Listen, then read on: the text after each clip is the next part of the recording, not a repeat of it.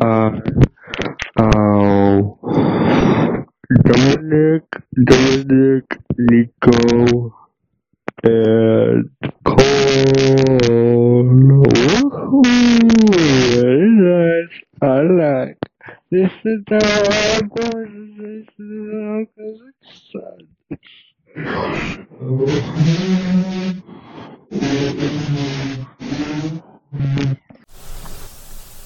Good afternoon, ladies and gentlemen. Today, on this fine time of the hour, we'll be learning a little bit about Egypt before it was conquered by the British in 1820, and we'll also be covering the government, religion, culture, and the very thing that brought the amalgamation of Egypt and Britain. We'll start this story at the end, which is also the last time Egypt was interesting. See, a pharaoh named Hatshepsut was, was a woman who ruled Egypt with an iron fist. Yeah, no, I'm kidding. She was actually pretty chill, and she expanded Egypt through trade. See, in this time of life, children would be taken from their mothers at four to start learning their father's profession. When they were ten, they would start to work with their fathers unless their dad had a government job. Sadly, this did not apply for the women. Pretty much right at birth, a girl would be taught how to be a good wife until she marries at 13, maybe 13 and a half if they're lucky. It is said that it is said that the early farmers would just toss their seeds near the Nile and have a cow or a fat Albert walk over it to have the seeds go into the ground. Yeah, some other interesting things is that the people believed that gods and pharaohs should always be benevolent and naturally flow like the Nile. As you'll soon come to know, that does not apply when you're a pharaoh. After Hatshepsut died at 22, her stepson Thutmose III made Egypt into an empire by conquering new lands and putting a huge target on Egypt's back. We'll learn more about that later. In this empire, the commoners weren't forced to marry, and if they did marry, the wife would take a large portion of his land and valuables, which to me that sounds like a Jeff Bezos and Mackenzie Scott type situation wouldn't happen. You know, fun fact, the Egyptians believed in pretty cool stuff like magical amulets, divination, and even the belief that cats had divine powers, which this kind of feels like a scam because all this stuff costs like $12.99 at Walmart. Anyways, Egyptians even had two types of writing, being hieroglyphics for holy scriptures and Demotic script for your shopping list.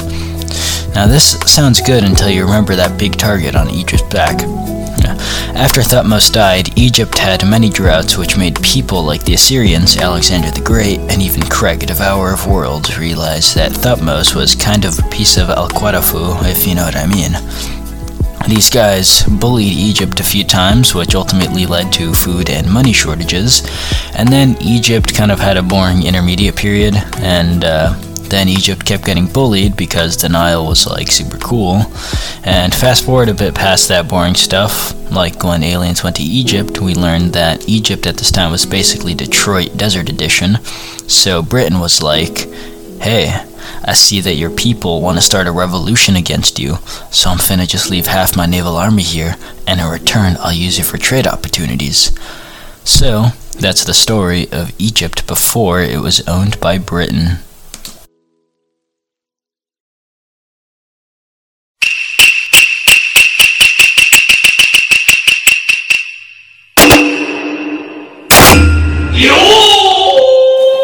Hello, I'm Nico, and I'll be discussing what Egypt was like during imperialism.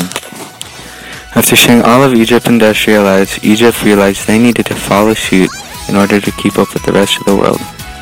Since Egypt was looking to industrialize, they took up a deal with the French Consul of Cairo, Ferdinand de Lesseps, to build a canal running through the Isthmus of Suez.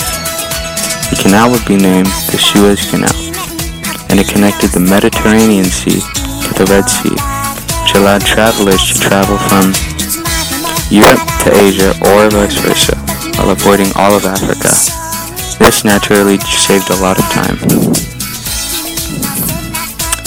Though it had a slow start, the Suez Canal became one of the world's most traveled shipping lanes. Despite the success of the canal, Egypt was driven into bankruptcy from the loans they had to take out from the British in order to build the canal in the first place.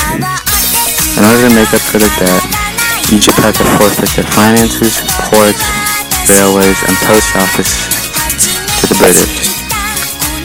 This angered many, which sparked a revolt, which was led by Arabi Pasha. In response to this, the British invaded and conquered Egypt. This event would be later known as the Anglo-Egyptian War. Britain made Egypt a protectorate. This led to many Egyptians to develop anti-British and nationalist ideas. They remained a protectorate until the First World War ended, when the unilateral declaration of Egyptian independence was issued by the British on February 28, 1922, and gave Egypt its independence. Despite being conquered, Egypt reaped the benefits of imperialism. The British greatly boosted the economy and also helped them to develop infrastructure such as the Suez Canal.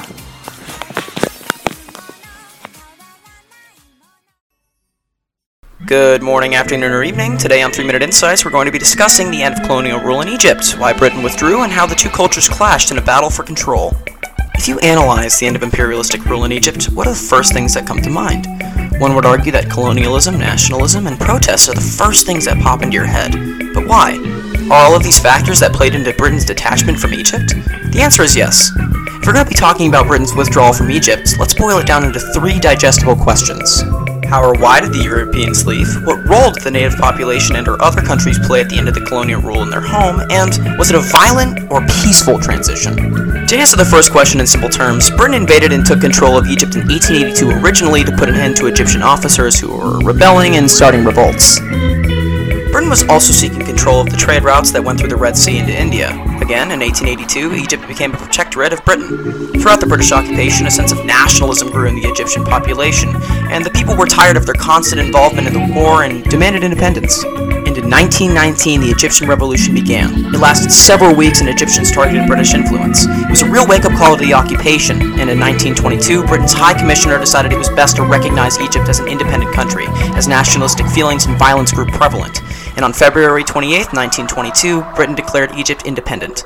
However, Britain did not fully give up the Suez Canal and decided to keep their troops there and hold on to it until the Second Revolution in 1952. So, how did the native population of Egypt affect Britain's withdrawal?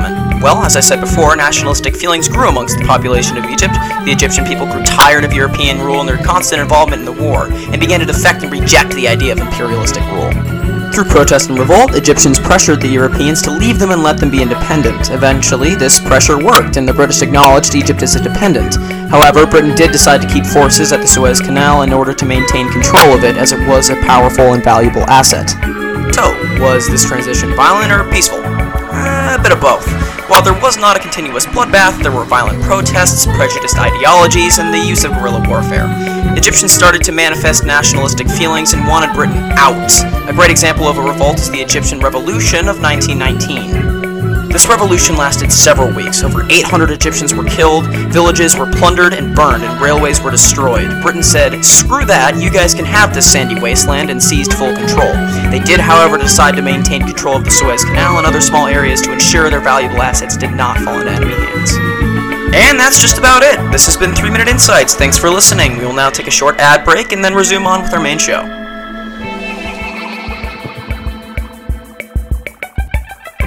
This podcast is sponsored by the Egyptian Agriculture Union, building a better tomorrow, today.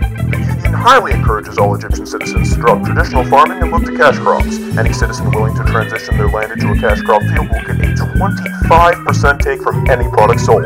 That's right, 25%. Act now and get a 5% bonus on your first trading year. Feed your family and keep Egypt strong. This message was paid for by the Egyptian Agriculture Union.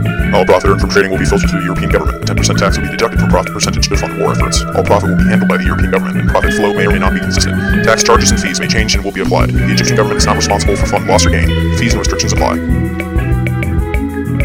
Thank you. That was a word from our sponsor. Uh, now let's resume on with the main show.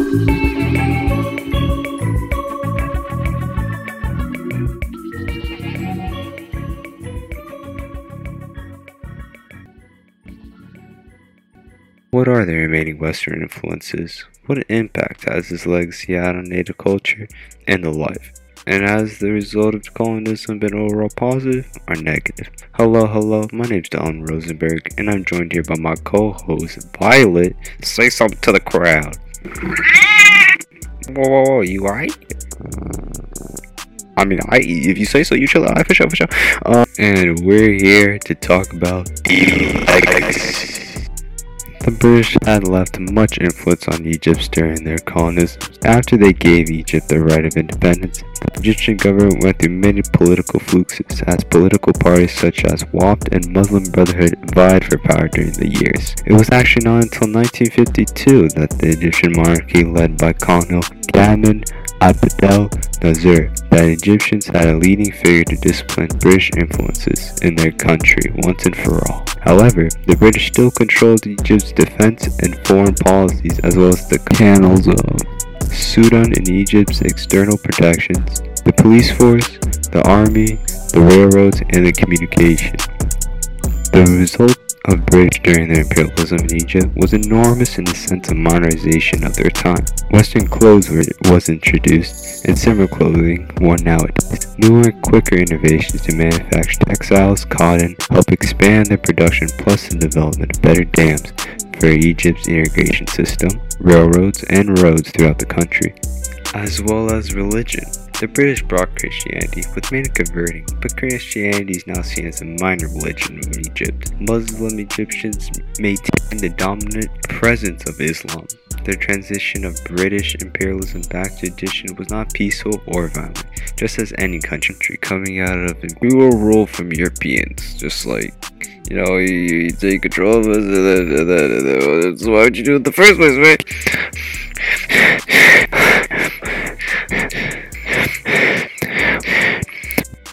That was me breathing throughout the podcast. And that concludes the podcast. Thank you for listening. Hope y'all have a wonderful day. What's on, dude?